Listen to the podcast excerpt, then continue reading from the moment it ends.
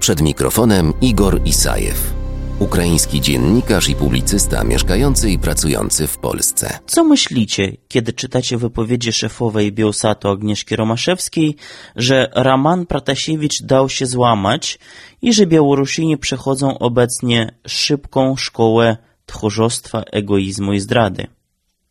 Co myślicie, kiedy czytacie prawicowego publicystra Piotra Skwieczynskiego, który twierdzi, że złamanego należy spokojnie, bez emocji zastrzelić?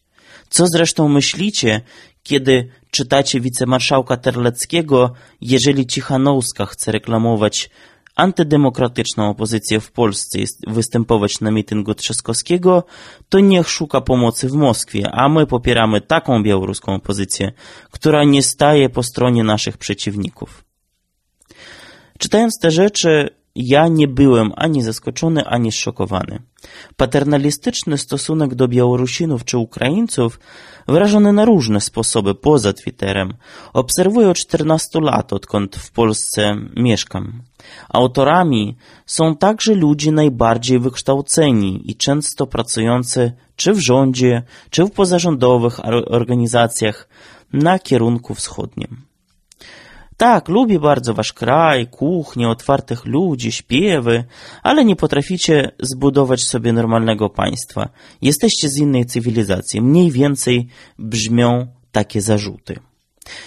Próba ubezwłasnowolnienia wschodnich sąsiadów, ojczulski ton z niby miłością, ale tak naprawdę nie do Ukraińców czy Białorusinów, a do siebie samego, bo fajnie spędza się czas z tymi niedocywilizowanymi śpiewakami i kucharzami. Zresztą Wspomniana Agnieszka Romaszewska przed niefortunnym wpisem o Protasiewiczu napisała o wypędzonych z Białorusi przez reżim Łukaszenki Polkach. I ciekawe jest to, jak to zrobiła. Polki nic nie podpisały. Im dano, wywieziono, zrobiono. Są stroną bierną. Z kolei Białorusin Pratasiewicz jest stroną czynną, jak najbardziej. Drugą część życia złamał sobie sam.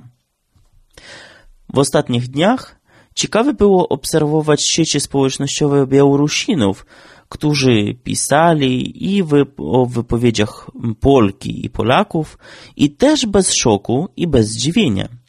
Dzielili się swoimi niefortunnymi historiami z tymi właśnie paternalistycznymi wypowiedziami wobec siebie ze strony Polaków. Czemuż tych historii okazało się tak dużo? Po prostu tak się złożyło, że ten ojczulski ton wobec nas nie jest w Polsce wyraźnie potępiany, a dla części jest wręcz bonmotem.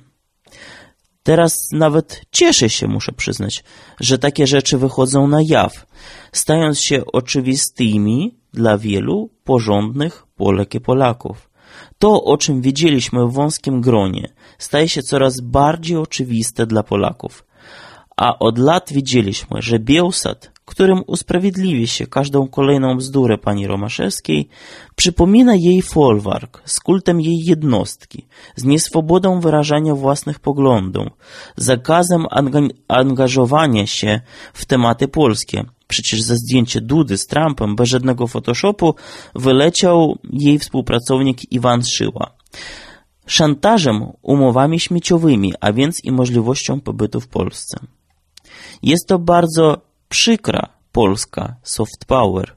Kiedy Bielset to jedyna taka telewizja na świecie, a pracują w niej najlepsze córki i synowie Białorusi, którzy niedługo będą tam ministrami, ambasadorami czy posłami. Pomyślcie o tym. Miłego tygodnia życzę. Wspieraj niezależne Halo Radio, które mówi wszystko www.halo.radio ukośnik SOS. Dziękujemy.